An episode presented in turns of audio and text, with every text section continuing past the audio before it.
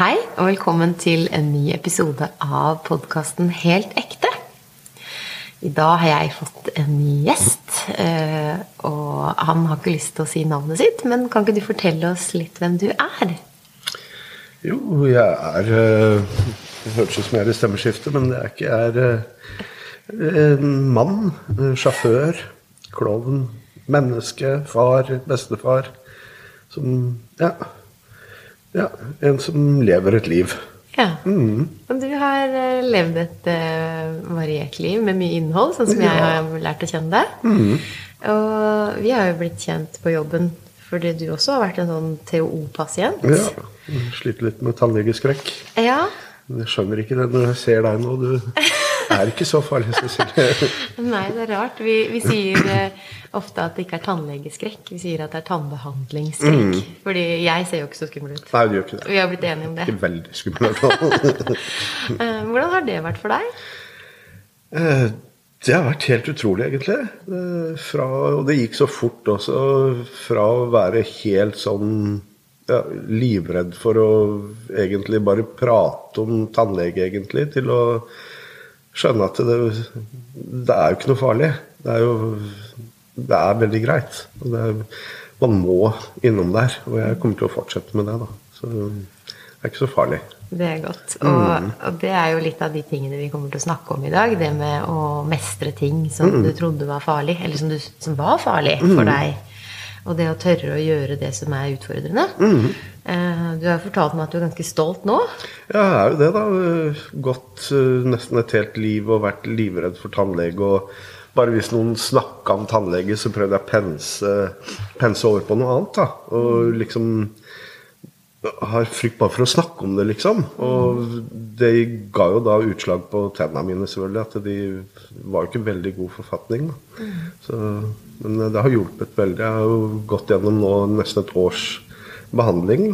Og jeg syns det er helt fantastisk. Og i dag er det sånn som når folk sier at de har vondt i tenna, så kan jeg si at ja, men du må jo gå til tannlege. Det er ikke farlig. Kom igjen. Så pushe litt på det. Så. Det er bra. Og det er jo fordelen med sånn som eh, jeg jobber, da. At vi faktisk lærer å bli ordentlig kjent med pasientene. Fordi det er så viktig å høre hva som er eh, din historie og dine utfordringer. Og når jeg lærer å høre om folks historier, så blir jeg jo så inspirert. Ja.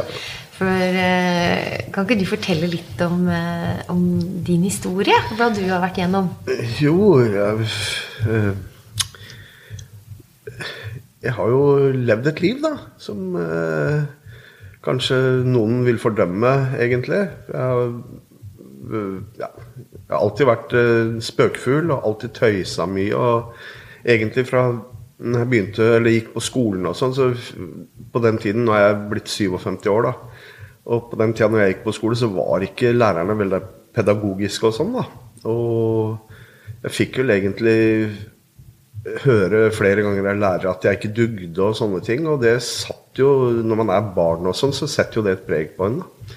Så jeg har jo utdanna meg seinere, da, voksenutdanning.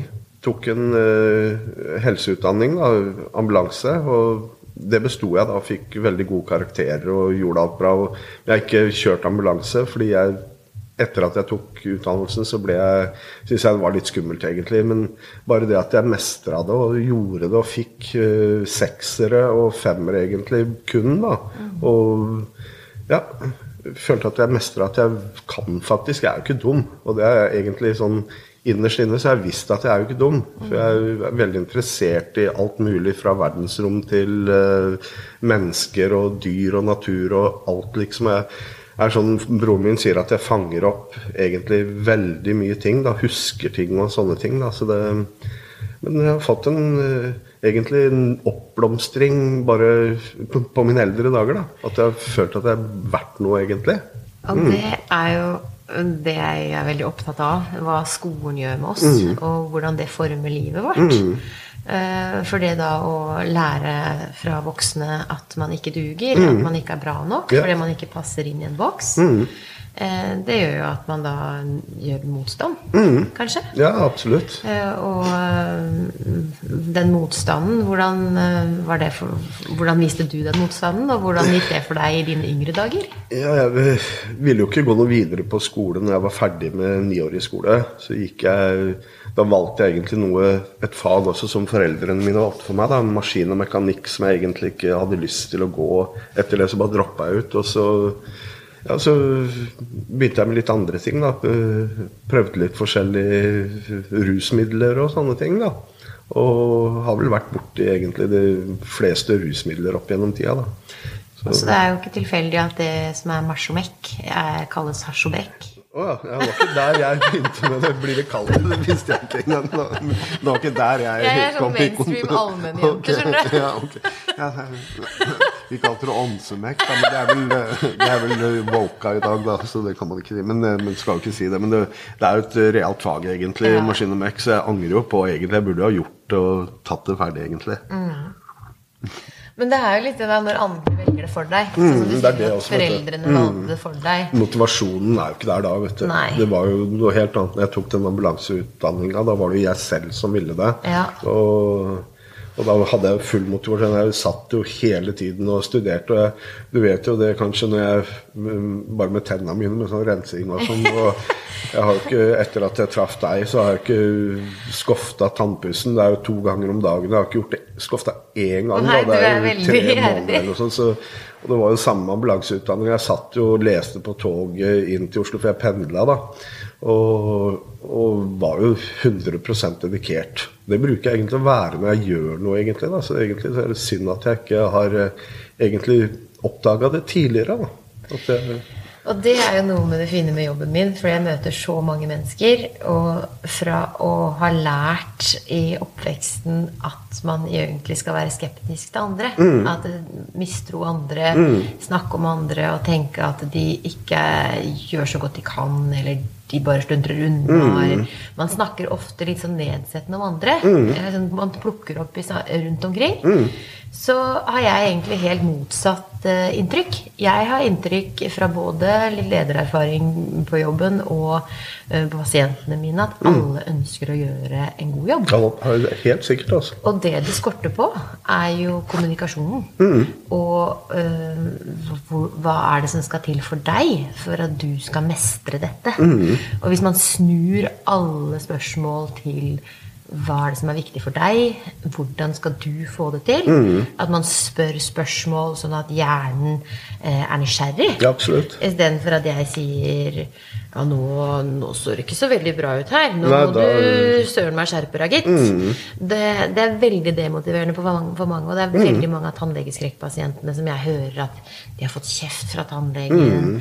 Jeg tror ikke tannlegene mener å kjefte, men Nei de ordlegger seg på en måte som kan virke konfronterende. Da. Og, og det er bare den lille forskjellen der i hvordan vi snakker sammen, som jeg har en innmari tro på. Når det gjelder til barn, når det gjelder til venner, til partner som man bor sammen med. Eh, bare snu litt på det. Det tror jeg. Ja, bare det med sånn pedagogikk og sånn. Jeg tror at det er blitt mye, mye bedre i, på skoler i dag, da. Det er sikkert mange ting å ta tak i der, men det samme var jo med skoletannlegene før. Jeg tror at en skoletannlege i dag har litt mer eh, greie på ikke bare faget sitt, men også hvordan man behandler. Og det er jo en del av faget også, hvordan man behandler da pasientene. Og hvis du da skal jobbe med barn som en tannlege, så må du jo du må jo jobbe på en annen måte enn hvis du jobber med voksne, vil jeg tro. da.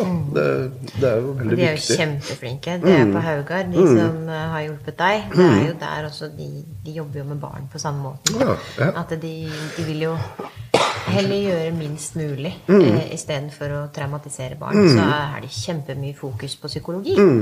Og det har de også på skolen. Jeg har jo snakka mye med de på skolen, i hvert fall på Ringshaug, eh, der sønnen min er. Hvordan man skal liksom samarbeide godt. Ja. Kjempefint fokus på psykisk helse. Ja. Det er bare mangel på midler fra kommunen, og vi har, vet hva som skal til, men det er mangel på ressurser. Mm. Sånn er det jo veldig mange steder Veldig i samfunnet òg, da. Men jeg husker jo skoletannlegen min. Han, jeg husker jeg hylskreik. Jeg var livredd.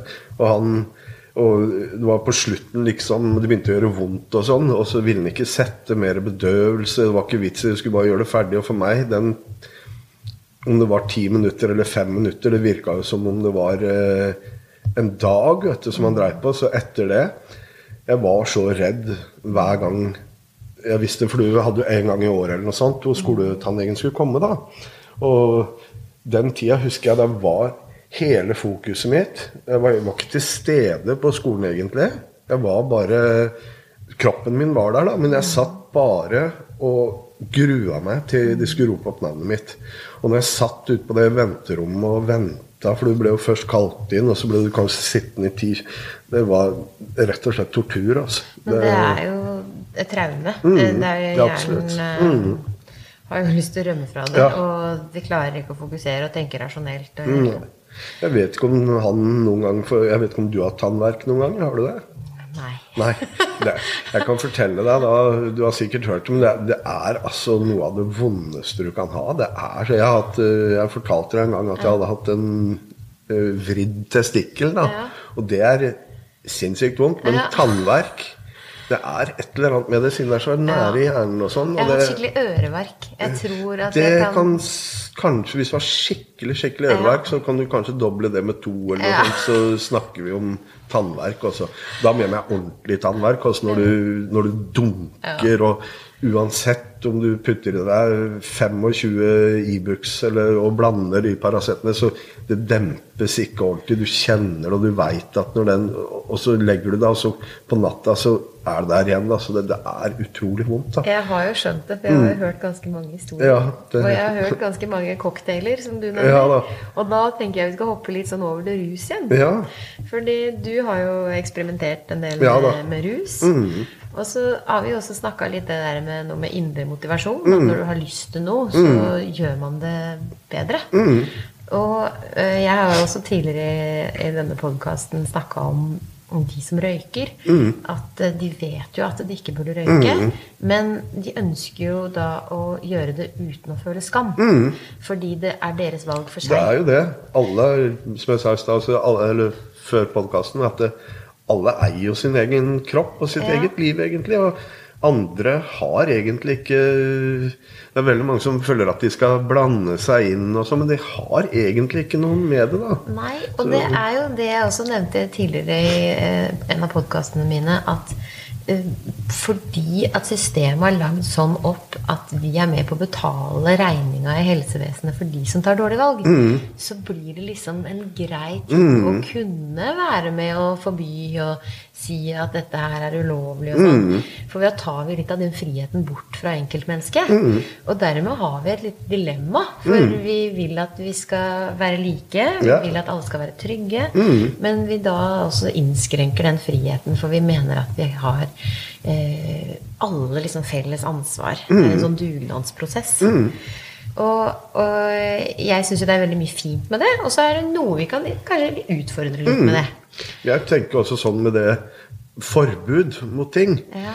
Det, sånn som Forbud mot uh, narkotika, da, de har jo ikke hjulpet noen ting. Det er jo ikke sånn at det blir noe mindre folk som bruker det. Det eneste jeg føler, er at man alle de pengene som folk bruker på narkotikastoff, da, det går jo til da bakmenn som da Istedenfor at man da kunne kanskje legalisere det på apotek og sånne ting, og at da ville jo brukerne få rene ting, da, ikke utblanda med ting og sånne ting. Og, og at da pengene kunne gå, da ville jo gå inn i stat, eh, statskassa. Da, så kunne man starte behandling derfra. Og, og sånn som jeg, da, som Jeg har jo prøvd eh, alt, egentlig, og jeg jeg har alltid vært åpen om det til uh, foreldra mine når de levde, og broren min og søsken, og egentlig alle kjærester jeg har hatt, og barna mine også. Jeg har to gutter, da. De har visst at jeg har drevet på med det. Jeg tok eh, Jeg var vel rundt 25. Da tror jeg at jeg kanskje ja, mellom 25 og 30. Da slutta jeg med sterkere stoffer, da. For da fant jeg ut at det jeg var redd. Jeg syntes det var skummelt. Og da tok jeg et valg at det kan jeg ikke, selv om jeg Jeg elska jo rusen, egentlig. Den var, øh, var egentlig elska den, da, men jeg selv fant ut at dette her det kan jeg ikke gjøre mer, fordi det er ikke bra. Og det jeg tror ikke jeg, Det er ikke sånn at jeg rosemaler at det, liksom, at det er veldig bra for kroppen, men det er så mange ting Du har alkohol, du har sigaretter det, det, er liksom Alle mennesker har et eller annet som de Noen liker å sitte og drikke litt vin i, og noen Det er det derre Når det blir et misbruk, at det blir et problem, egentlig, da.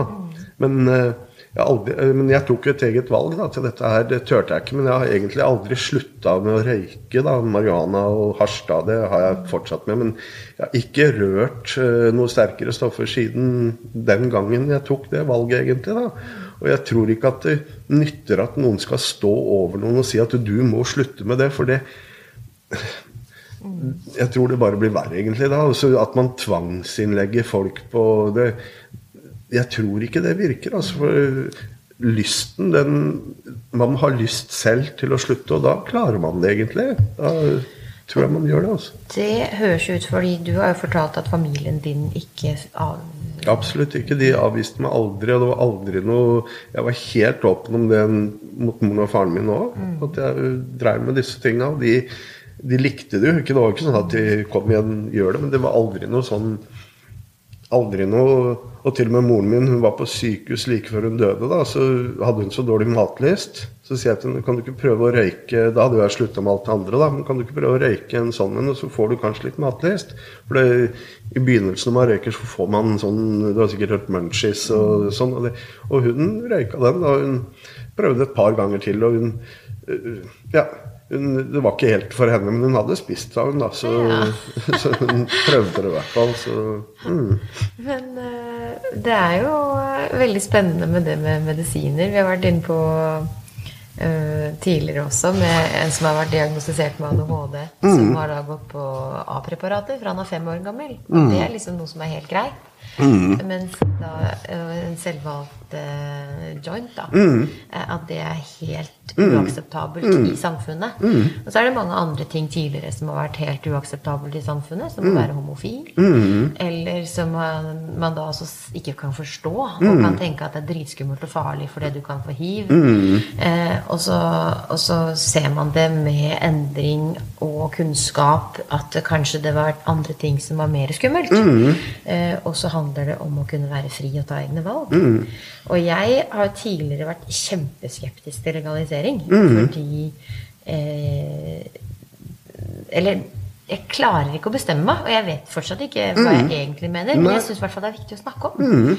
Og, og, jeg er jo redd for at barna mine skal tenke at når det er lov, så er det bare fritt fram å gjøre det. Mm. Og jeg vet jo veldig mye om disse rusmidlene. Mm. mm. Og jeg er jo livredd for det sjøl. Jeg har jo ikke lyst til å bruke noe av det. For jeg er jo veldig opptatt av helse. Ja, jeg liker jo å spise sunt, mm. jeg trener. Mm. Jeg jeg jo, kan jo mye om kroppen. Så da vil jeg jo ta disse valgene fordi jeg har lyst til å leve til jeg blir gammel, og være frisk til jeg blir gammel og ha et klart hode til jeg blir gammel. Så, jeg, så, det er derfor jeg tar disse valgene. Mm.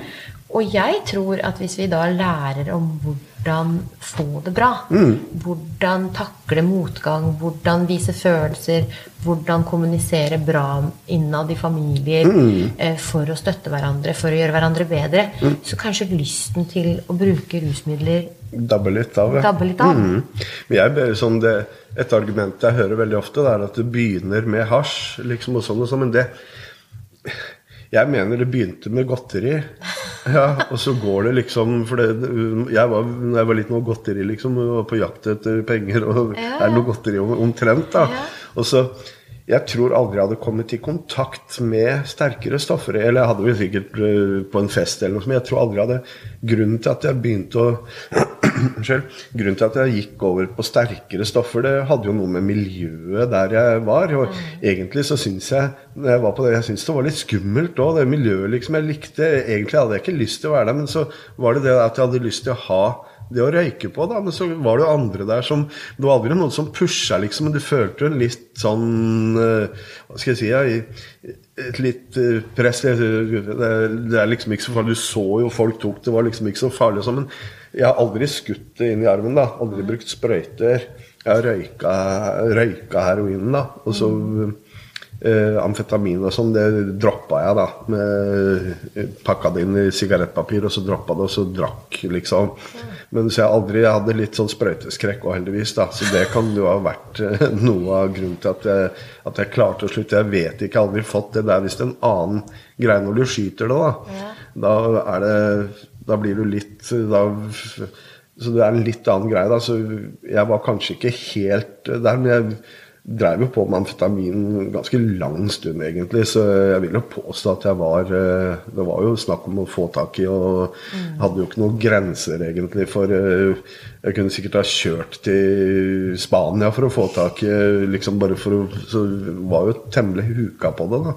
Så Men jeg fikk en hjerneblødning òg, vet du. Jeg vet ikke om jeg fortalte deg det. Jeg hadde en hjerneblødning da jeg var rundt 25, og da da trodde jeg at det var pga. det, så jeg fikk litt panikk. Det var også en litt grunn til at jeg slutta. Men kirurgen som opererte meg, han sa at det ikke hadde noen ting med det å gjøre. Men jeg følte meg ikke helt sikker på det. Så jeg, ingen vil vel dø, egentlig. Man, I hvert fall håper ikke noen, men jeg ville jo ikke dø, så jeg ble litt redd av det. da. Så det redda og kanskje med å motivere meg litt, da. Mm.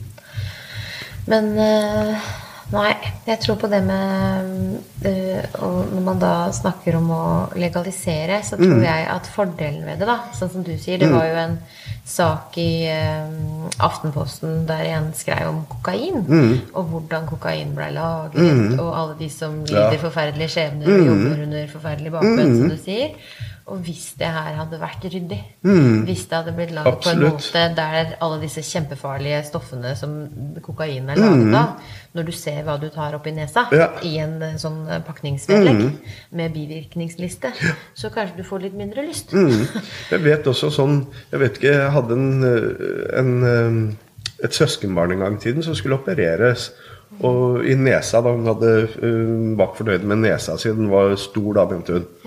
Og da fikk hun kokain som medisin hos uh, kirurgen, da. Jeg går ut fra at den kokainen er vel uh, lagd på et ordentlig sted. Det er noe helt annet enn det som florerer på gata, som er lagd i Colombia, inne i jungelen, hvor de står med masse oljeprodukter og, og liksom den Jeg tror at hvis de hadde fått Det er veldig rart i Norge. Vi prater om at det skal være så, sånn og sånn, men vi har et av de er Overdosedødsfall i Norge er jo skyhøyt i forhold til f.eks. Amsterdam og sånne steder. da. Så et eller annet i Norge med politikken syns jeg er gal, da, egentlig. og Og det er jo fordi vi, vi har jo trygghet som en veldig stor verdi Mm. i Norge. Og jeg tror at da mange regler blir jo lagd på frykt. Mm. Og ved, som vi, hvis man er redd for noe, så må man jo forby noe. Mm. Har man lyst til å forby tobakk? Man har lyst til å, jeg mener jo at man, hvis man skal forby noe, så er jo det sukker. Men vi kan jo ikke det heller. Mm. Tenk på den lille gleden vi har av den kakestykket Ja. i ny og ne. Og det er jo litt sånn måtehold. Og filosofene har jo snakka om det i langt, eller tilbake for 2000 år siden. Eh, om hva er det derre måteholdet. Kan man bare leve og For noen år siden så var det yolo, liksom. At man bare skulle leve nå og leve fullt ut. Og man skulle drikke og spise og kose seg. Og så har man da snudd litt og sett på måteholdet igjen. da At det er nå det handler om trening, kroppen er tempelet, eh, vi må være snille med hverandre. Jeg ser du tar det på magen. ja, jeg er ikke sånn kjempestor, men jeg er stor, da. Eh, Men, eh, men det er liksom sånn der Jeg tror så lenge man da eh, skal få velge selv. Og jeg tror at forbud eh, er ikke veien å gå. Jeg tror ikke forbud er veien å gå heller. Sånn, også, den politikken som jeg sa i stad, som er ført til nå, den, den har jo ikke fungert. Så kanskje man skal begynne å tenke litt nytt, egentlig. Og man kan jo bare se forbundstiden i USA med alkohol. Da slo jo mafiaen seg opp, og hvorfor skulle man da Hvorfor skulle man gjøre de store? Hvorfor skulle de sitte for alkoholen? var jo der fortsatt. Bare at det, liksom den syntes ikke, og det ble gjort under bordet og sånn.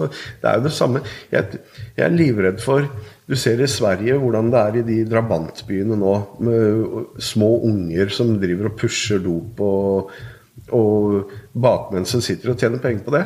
Hvis man hadde legalisert tingene der, så hadde jo de forsvunnet. Og så hadde man tatt bort næringsgrunnlaget for den der kriminaliteten der, egentlig. Og, og det blir veldig sånn rart at at man ikke tenker nytt. Liksom At det går så har dette er jo, det er jo ikke noe nytt egentlig at det er uh, narkotikaproblem. da. At, og noe jeg er mest redd for, er jo disse da barna som kjeder seg, mm. og så er de på nett, mm. og så søker de etter en spenning, mm. og så fentanyl og sånne ting der ja. man ikke vet hvor sterk dose det er mm. i røde sprayer på noe greier, og så kan konsentrasjonen på ett punkt være kjempesterk.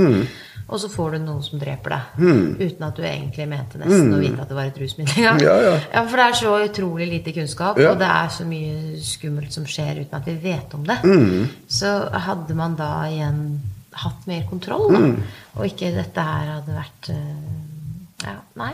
Men det er veldig mye penger også som, som svarte penger. Og svarte penger rundt omkring. og det det er trafficking og alt mulig som er rundt det. og det er, Kjernen er vel egentlig drugs. ikke sant? Det er jo det som er kjernen som genererer, og så er alt det rundt. ikke sant? Man kunne, som Jeg tror da i hvert fall at hvis man hadde hatt det mer kontrollerte former og sånn. Så hvis det hadde vært sånn når jeg var ung, så tror jeg faktisk ikke at jeg hadde kommet i kontakt med de sterkere stoffene, egentlig. Altså, jeg begynte å røyke litt for broren min røyka. Eh, han hadde blitt tatt på Han gikk på folkeskole da, og hadde blitt tatt og hive ut. Det er også sånn hive ut fordi det, Jeg syns det er veldig rart at det ja, det, men i hvert fall fått det under ordna forhold og sånne ting, så tror jeg at det hadde blitt bedre for brukerne. Og jeg har jo kjørt taxi i Oslo i mange år. Og jeg har hørt så mange Jeg har jo stoppa opp på strøket i Oslo og sett jenter eller gutter da, som ligger prostituerte, da, som bare ligger på gata i skikkelig rus. da, Og stoppa på å hjelpe dem, og så hører jeg folk, passasjerene i bilen Hvorfor dreiv det bare narkis, liksom? Folk, da tenker jeg sånn det er jo et menneske. Det, det, er jo en bror, en søster, en tante. Noe, er, de har jo familie rundt seg. og sånn, Jeg tror det hadde blitt så Og når jeg da også så politiet sto og ransaka disse prostituerte da, på strøket liksom foran alle folk, og de sto og strippa de ned. Og der står altså et menneske som er helt på bånn i samfunnet, og så skal det da fornedres enda mer, liksom. Og biler Midt på lyse dagen og sånn, så sto politiet da og strippa dem, og de måtte stå opp med armer og liksom jeg syns ikke det er riktig. Altså. Det er da mennesker som er på bånn og skal liksom enda mer og få bøter for det og sånne ting. Og det, det, det, blir for meg helt sånn Vi er forskjellige alle sammen. Og vi har alle våre behov og ting og sånn. Og så vi heller støtte og, og så heller hatt en mer, Det er jo nesten ikke behandlingssteder heller. Det, er jo ventetid for å få for de som vil. Da. Og tilbake til det jeg sa i stad med at jeg ønska å komme ut. Og hvis man plutselig får den ånden over seg, så er det jo ikke sikkert at man får en plass engang på en behandlingssted. Og da går etter hvert kanskje den lysten over, da. For da tenker man ok, da gi opp. Så, så, så hvis det hadde vært steder så man kunne få behandling med en gang omtrent, da, bare kommet inn, så og det kunne jo finansieres av da skattepenger og de pengene som man hadde på å selge, da, på en måte. Og jeg ser jo det at du er jo en innmari snill fyr. Og det har vi jo ofte snakka om. Og jeg jo, føler meg også veldig snill. Selv om ja, jeg, jeg er snill. Jeg har ikke merka noe. Ja. Selv om jeg ikke er feilfri. Og jeg Nei, ser jo tidligere pga. forutinntattheter, så mm. kan jeg kanskje ha hatt tanker om at eh, altså det er greit på en måte at noen eh, De som ikke fortjener det, mm. de, de, blir behandla på en spesiell måte. Da. Jeg vet ikke om jeg kan ha tenkt det, men, men jeg tror i hvert fall veien å gå til en litt mer varmere samfunn er at man respekterer hverandre. Absolutt. Og ser hva som er årsaken mm. til at noen har kommet dit de er. Mm. Og uh, skam løser i hvert fall ingen problemer. Og hvis man påfører mer skam, mm. så kommer man aldri ut av denne onde sirkelen. Gjør ikke det. Så, så, hvis man bare er litt nysgjerrig, prøver å se, og, og igjen hvis man byr en hånd, og mm. du ikke får noe respekt tilbake, eller hvis man ser at du pisser på alle sjansene du får, mm, så, ja. så, er det lov til å kanskje la mm. være å hjelpe videre. Mm. Men, men, men, jeg tenker jo igjen at uh, Prøve, i hvert fall. Og jeg ser jo at eh, med alle de menneskene jeg møter som har vært utfor eh, vanskeligheter, Mm. så, så ser jeg så mye varme bak. Og ofte de som har vært rusmisbrukere, ser jeg som er veldig veldig snille. Mm. Og som er egentlig kanskje litt sånn skuffa over verden. Mm. For det er så kynisk, og det er så slemt. Og den der lille flukten fra alt det, Ja, det er- Mm. alt det slemme, da. Som blir eh, er nesten veien inn i rus. Ja. Fordi du, det er ganske mange kreative folk. Mm. eh, Glad i musikk, glad i kunst. Eh, Du er jo en klovn. Du skulle ikke Ja, jeg har jo alltid hatt en replikk, da. Stort Ja. sett. Og, men akkurat det du sier der også, med, med de fleste som jeg kjørte Når jeg kjørte til taxi Jeg drev på med dette her i 20 år i Oslo på natta, så jeg traff jo all mulig slags folk. da Og de menneskene som jeg følte var de mest eh, De som respekterte meg mest, da, det var narkomane. Det er helt merkelig. De var alltid sånn når de kom inn i bilen 'Hei, sjåfør, åssen går det?' Og, og takka for turen. 'Takk skal du ha', og spurte åssen det gikk. Og tipsa. Og enda de hadde minst, liksom. De, men de var de som tipsa, de var de som behandla meg, egentlig. Jeg hadde aldri noe problem med narkomane i bilen. De hadde problemer med, var kunne være fulle uh, 50-åringer på julebordet eller noe sånt. Eller damer som uh, ikke kunne oppføre seg. Og, eller fulle ungdommer. En blandingsrus. Det kunne være litt skummelt hvis de hadde drukket og fått i seg noe stoff. da og ikke kanskje var vant til det. Da kunne du være litt aggressiv og sånn. Men jeg hadde et sånt motto at eh, når jeg kjørte taxi, da, var at eh, behandle alle i taxien sånn som jeg Eller utfør den servicen som jeg forventer sjøl i en drosje. Og det var så mange ganger folk kom inn i bilen og var egentlig sure og pissed og forbanna. da, Men når de gikk ut av bilen, så var de Ja, ha det bra, liksom. Og jeg klarte å snu situasjonen. da, Sånn, dette skal jeg Eller hvor har du vært? Jo, jeg har vært i London, jeg har vært i ja, Jeg mener, hvor har du vært nå? Ja, å ja, nå? Nei, nå kommer jeg nedenifra. Ja, men du er så sein. Ja, men så forklarte jeg det at det var ikke min skyld. Altså, ja, men dette skal jeg klage på. Vet du hva, sa jeg. Det syns jeg du skal gjøre. Hvis du føler at du har fått At det har vært noe, så send en klage. Send en klage? Ja, jeg syns du skal gjøre det. For det, det skal jo ikke være sånn, sa jeg, at du har sånn og sånn. Og når de gikk ut av bilen, da, så var de fornøyde, da. Det var jo på dagen, mens de jeg prata med i stad, som var ufordragelige, det var jo på sånn Ja, ja, julebord og sånne ting. Da. De, de var det nesten ikke mulig å roe ned engang. Men på de åra jeg kjørte, så fikk jeg to klager.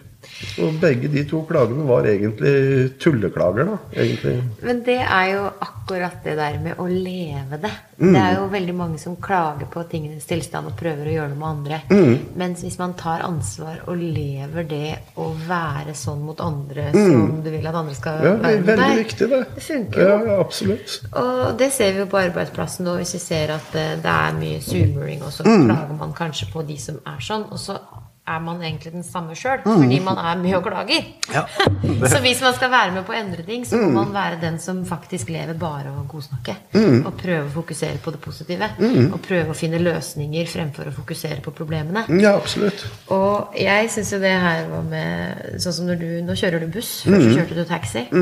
Og vi snakka om det å, å, å være litt sånn raus i trafikken. da. Absolutt. Og, og Det er veldig viktig.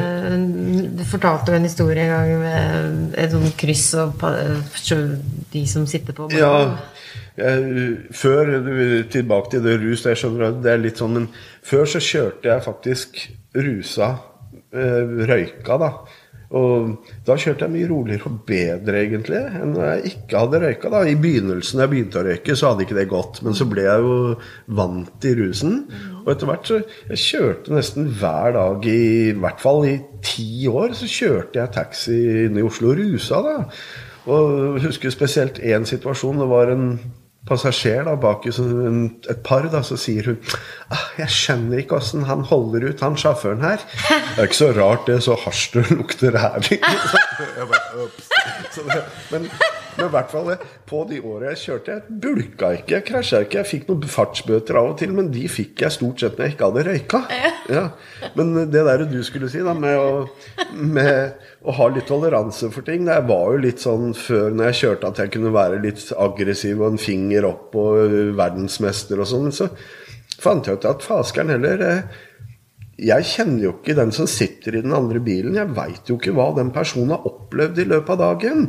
Og så sitter jeg her, og, og han gjør en feil. Og jeg gjør jo hundrevis av feil i løpet av en dag når jeg kjører. Det er ingen som klarer å kjøre bil uten å gjøre noe feil, for det er så mye regler og det er så mye ting. Og, du, og så er vi mennesker, så vi feiler alle sammen. Så jeg fant ut det at det, det er mye bedre å ha, sitte og bare ha lav hjerterytme, og så heller bare la folk gjøre feil. Og så hvis det er noen som gjør feil, så heller bakk litt ut og hils til dem. og liksom, Dette går bra. Fordi eh, den situasjonen du tenkte på, det var jo en gang det var en ganske stygg forbikjøring i mørket. Snødde og eh, sånn. Det var en sving og fotgjengerovergang og alt sånt. Og så hadde jeg med meg ledsager. Jeg kjørte, da kjørte jeg buss da, med pasienter og eller unger, da, som Da hadde jeg, da jeg slutta å røyke, da, men eh, Eller i hvert fall røyka ikke mens jeg kjørte. Men i hvert fall så var det en forbikjøring, og det var en helt sånn idiotisk Jeg så han kom i speilet, så det jeg gjorde, var å bremse ned. For jeg skjønte da får han plass til å komme inn, istedenfor det er noen som gir på og skal ikke slippe han inn og sånn. Jeg backa. så kom han seg inn. Da det ble noe tuting av noen andre biler. Jeg tuta ikke eller noen ting. Og så sier hun ledsageren I alle dager, skal du ikke kjøre etter'n? Og så sier jeg kjøre etter'n.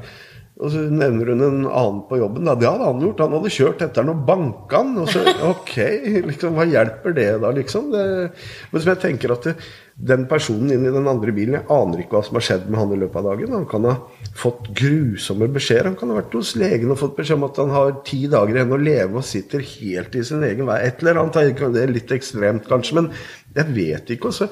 Hvis alle Tenk deg hvis vi hadde oppført oss i en butikk, da sånn som mange oppfører seg i trafikken. Det, det, er noe som skjer med folk når de setter seg bak rattet. Jeg har vært der sjøl. Man blir nesten et lite monster. Man sitter der inne og tror at man har rett i alt og sånn. I stad, som jeg fortalte, jeg holdt på å bli påkjørt når jeg gikk ut av bilen i stad. Det var jo min skyld, egentlig, men det ble litt tuting og sånn. Da gjorde jeg sånn beklager, og det var min skyld. Og, men vi gjør feil, alle sammen. Og sånn er det i livet også. Vi gjør feil, alle sammen. Og hvis noen skal sitte og hakke på deg fordi du gjør feil, det, blir jo ikke noe bedre. Og det sier jeg til barna mine når de påpeker andres feil. Mm. sier men Kan du ikke passe på deg selv? Mm. For du gjør jo også feil. Ja. Eh, og jeg prøver å passe på meg, mm. og så kan du prøve å passe på deg. Så når de sladrer, da, så, mm. så, er de faktisk veldig gode til å ikke sladre. Fordi ja. de får alltid høre det. Men kan du ikke hva, hva kan du gjøre med det? Mm. Uh, kan du ikke passe på deg? Og så prøver du å gjøre det annerledes hvis ikke du likte det. Mm. Og, og, det er også en av mine favoritt-quotes. Uh, det er jo Du vet ikke hvilke kamper andre kjemper. Helt riktig. Så vær snill alltid. Mm. Og det tenker jeg det er så viktig og hvis man skal leve det og prøve å få det litt bedre, mm. så hjelper det ikke å, gå i den der negative spiralen der alle ja, klager på at andre gjør feil. For det vi gjør feil. Alle gjør feil. Og det, det var Einstein en gang han hadde en forelesning Mener det var må jeg huske, Jo, han hadde en forelesning for en universitetsklasse. da så begynte han å skrive på tavla 9 ganger 1 9. 9 ganger 2 18, og så han, kom han helt opp til 81. Da. 9 ganger 9 81. Og så på 10 ganger 9 så skrev eh, Nei, jo, 10 ganger, nei, jo, 10 ganger 9 så skrev han 91. Og det er 90, da. Så liksom, da lo alle elevene, da. Det er jo feil, liksom. Så sier han, snur seg og sier han, det er veldig rart. Nå skrev jeg ni ganger det korrekte, og med en gang jeg skrev noe feil, så var det sånn at alle skulle påpeke det, istedenfor at dere roser meg alle de gangene jeg gjorde det riktig. Så da var det et litt poeng der. da Einstein var jo ikke akkurat kjent for å være Han var jo ikke dum. Oh my God, han, Einstein er ja, mye ja, han er, Jeg syns han er helt fantastisk. Ja. Så, mm. Og det jeg hørte seinest hva Når var det jeg hørte det, da? Han eh, jo, hjernen hans blei jo stjålet av en oh, ja. sånn overivrig lege. Oh, ja. For han ville egentlig kremeres. Ja. Fordi han ikke ville ha en grav dit folk kunne komme og tilbe ham. Mm. Og det er jo noe han har skjønt i mennesket, at vi, vi uh, lager mennesker til å være på en måte gudbilder. Mm. Og han kunne fort ha blitt en sånn der gudbilde, for han var en så stor person mm. som var så klok. Mm. Ikke bare det at han var helt genial i å finne løsningen på de tingene han fant, men, Ja. men også bare forstå mennesket. Så uh, Det er rart det der med Einstein og Tesla og de virkelig store hjernene. Det er nesten så man skal tro at det er noe utenomjordisk omtrent som har vært inne og påvirka. For det, bare det å finne på å splitte et atom, åssen klarer man å komme på noe sånt? Jeg er mener, det er jo helt sånn hinsides, ikke sant? Men senest i dag så prata jeg med en mamma som hadde en veldig intelligent sønn. Ja. Og de hadde hatt Mensa inn i bildet. Og, og hun sa at nå var han jo 30 og fortsatt eh, gikk på skole da, men det hadde vært så utrolig mye motarbeiding i eh, skolen, for de hadde omtrent sett han som et problem. Fordi han lagde sånn uro i det systemet ved at han var for smart. Og, og det, jeg leser en bok som heter eh, Hjernen er stjernen. Og da var det faktisk et poeng med at eh, Marit Bjørgen hun eh, har fysiske forutsetninger for å bli veldig god på ski. Ja. Og det er helt greit. Hun kan bli en stjerne, og alle heier på henne, for i Norge er det kult å gå på ski. Eh, og så har vi veldig mange andre ting. ikke sant? Fysiske forutsetninger for å bli gode på ting. Og, og det er kult når du har kommet opp et sted. Men akkurat det å være intelligent, det å ha en høy IQ, det er liksom ikke greit. Det skal ikke kunne eh, forherliges fordi alle skal være like. Og jeg syns det er innmari urettferdig. Og jeg syns det er innmari dumt, fordi sånn som Tesla, da. Hva har ikke det gjort for folk? Mm. hvor mange fine løsninger og problemløsninger har det ikke kommet av at en får lov til å bare tenke og tørre og prøve og Kan vi ikke heie på det, istedenfor bare å kritisere det nordover? Det er jo sånn I hvert fall når jeg gikk på skolen så var Det var nesten sånn at du skulle ikke du skulle ikke lage noe eh, Du skulle bare høre på. så Hvis man stilte et kritisk spørsmål, husker jeg, hvis det var et eller annet, så det ble jo omtrent sabla ned. vet du, Men jeg tror også at det er blitt bedre. Jeg håper at de, de oppmuntrer ungene nå i dag til å sette litt spørsmål ved ting. og Av og til så spør man feil, men man får i hvert fall et svar. og Ja, men jeg har dessverre historier fra sønnen min. da. Vi har bier. Vi har to bikuber. Ja. Og eh, da de fikk beskjed om eh, å skrive om kjæledyrene sine Mm. Hvor mange kjæledyr har du? 25 000. Han begynte si 2000. Jeg visste ikke helt at det er mange for han. Og så, så, så var det en assistentlærer da, som kom inn og sa «Eh, bier er ikke kjæledyr. Og jeg tenker Åh, alltid meg stritter, for de tenker her har du noe som kan oppmuntre til nysgjerrighet. Hva er definisjonen på et kjæledyr? Hva, hva er en bie? Hva, og vi vet jo at da du fôrer biene, du tar ut bæsjen deres, du får honninga di Det er meditasjon å være i bikuben og høre summinga. Det blir på en måte å kose med det. Så hvorfor er det ikke et kjæledyr? Og så det, Jeg vet ikke om jeg fortalte Jeg fortalte det i hvert fall til Gro en gang i tiden.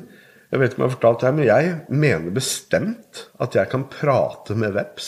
sånn. Ja, det er ikke tull. Hvis en veps kommer inn, jeg lover deg, så kan jeg be den gå ut. Og den går ut, altså. Det, jeg har gjort det så mange av folk står bare sånn. At jeg sier 'nå går du ut med deg'. Nå, og den flyr ut, om det er lydbølgen eller hva det er. Og jeg har bodd steder hvor jeg hadde veldig mye Jeg har hatt en svær edderkopp en gang i tida. Jeg elsker edderkopper, da. Nå holdt jeg på å si kanskje det er denne hasjånden din? da? ja, at, nei, men det har vært Jeg vet ikke. men i hvert fall det Jeg er veldig glad i edderkopper, da. Ja. Elsker edderkopper. Og jeg hadde, jeg bodde et sted hvor det var svære husedderkopper. Sånne store. Og jeg lot de bare gå rundt på veggen og sånn. Så begynte jeg å tappe med fingeren foran på de. Og de strekker opp beina, tapper tilbake og sånn. Så er hun jeg vet jo ikke hva jeg sa til den edderkoppen. Det kan jo ha vært at jeg fornærma den, men et eller annet var det som foregikk der. Altså. Og jeg la merke til at de store edderkoppene de var mye mer sånn trygge på det. da. Mens hvis de var små, så ble de redde, og da løp de. Men de store, da kunne jeg ta fingeren borti beina deres. De løfta beina og følte på fingeren min og sånn. og det, det, Ja. Nei, igjen, jeg tror på Avatar. Har du sett Avatar? Ja, eneren har jeg sett. Med en sånn høyere intelligens der vi alle hører sammen. Kanskje det her er noe. Det vi, vi ikke vet. Ja, ja. Jeg er veldig sånn gammel indianersjel, så Ja. jeg tror jo på Er det Avatar 2 du tenker på? Ja, du har sett den? Den skal jeg se en Men det er jo egentlig begge Avatar-filmene. fordi Ja, da det er den tre år. Ja. Mm. Eh, Jeg tenkte nå å begynne å nærme oss avslutningen, men Mm. jeg har veldig lyst til å eh, At du forteller om det som nå er drømmen din, etter at du nå har fått fine tenner igjen, og du har jo en hobby. Ja, jeg driver med standup, da. Ja. Mm, så jeg driver nå og skriver veldig mye materiale. Skriver stikkord, det holder, da. Men det er materialet mitt, da vet jeg når jeg leser stikkordet, så vet jeg jo hva jeg skal si, liksom. Så jeg, jeg skal gå et sted og få en opptreden snart, da. Og stå. Og da gleder jeg meg så til å komme og se på det. Ja. Hvis alle som sier at de skal komme, kommer, så kommer det til å fylle Kommer til å komme en million mennesker, da. Det er bare, ja. Eh, jeg gleder meg sånn til. Det var én ting jeg tenkte du kanskje ville ta opp, egentlig. Det var med broren min. Det var egentlig det jeg også hadde tenkt å Ja, gjøre. jeg hørte du leda litt innpå, men så spora jeg litt av. Men Ja. det kan jeg ta kjapt. da, at ja. Broren min jeg syns han er veldig tøff. da, Han er jo homofil. Og han sto fram Det var vel på midten av 80-tallet. Da var han 16 år gammel. Og sto fram. Og da Måten jeg fikk vite om det, var jo at jeg med sleivkjeften min Vi satt og så på et program på TV. Om, eller det var Elton John-konsert. da Så lirer jeg meg 'fy faen, jævla homo', liksom. Tøff og i trynet og uten tanker. Og så ble han kjempelei seg og begynte å gråte.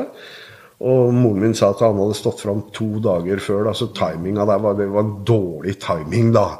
Så etter det Og det har jeg aldri glemt, egentlig. Det har jeg tenkt på da snudde jo jeg med en gang, egentlig. og tenkte, eller Først så ble jeg litt sånn redd, eh, og broren min syntes det var ekkelt. Men etter det så måtte jeg slåss litt på skolen, fordi andre folk mm, prata litt dritt om han. da, Det fant jo ikke jeg meg i og sånn. da.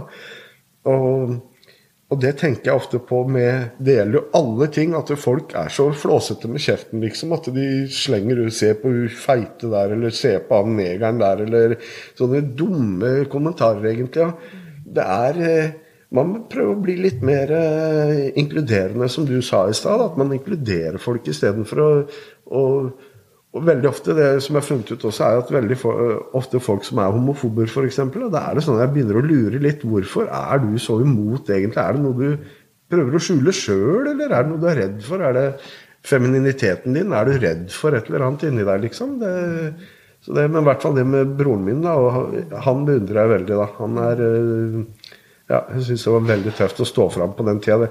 Han var 16 år, og på den tida det var jo ikke mange år siden det egentlig var ulovlig. da, Og han står fram midt i ungdomsskoletida, liksom. og Kan det ha vært noe som har gjort at du har blitt så inkluderende og raus mot andre? Akkurat den der Ja, det er jeg er ikke i tvil engang. Jeg hadde en periode også hvor jeg var litt brun i meningen også. Og da sa han fortalte meg at du kan ikke være sånn, liksom. Og så slutta jeg egentlig med det. Og, og, og det har funnet ut, det er jo det er jo bare tull. ikke sant? Du går rundt, og hvis man går rundt og har den holdninga, da, så man så mye man går glipp av, egentlig. da, Så mange ting Så mange mennesker er kjent. Jeg har jo masse homofile venner nå, meg og frua. da, og Så morsomme, så uh, egentlig veldig kreative og, og sånn. da. Eneste som er feil med broren min, han er, vi har funnet ut at han er en homo som ikke virker. da.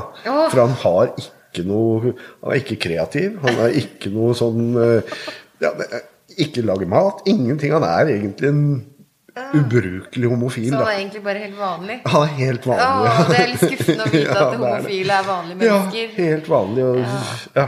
Er- Men han er utrolig Han er morsom, altså. Han har en sinnssyk humor, da. Men så utrolig herlig at dere har et så godt forhold og kan Mm. ha en sånn kommunikasjon med å si at vet du hva, det der syns jeg ikke er noe ålreit. Og Mm. så respekterer man hverandre og tar tilbakemeldingen og bruker den til noe nyttig. Ja, og det er jo. Mm. det kommunikasjon er.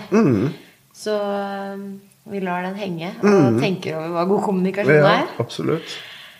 Tusen takk for at du ville komme på besøk. Ja, det var veldig hyggelig å komme. Så at noen vil ha meg inn hjemme jeg, jeg forstår det ikke. Er det mulig? Det er ikke oppvokst godt å dra sånne rusmisbrukere inn i hjemmet-.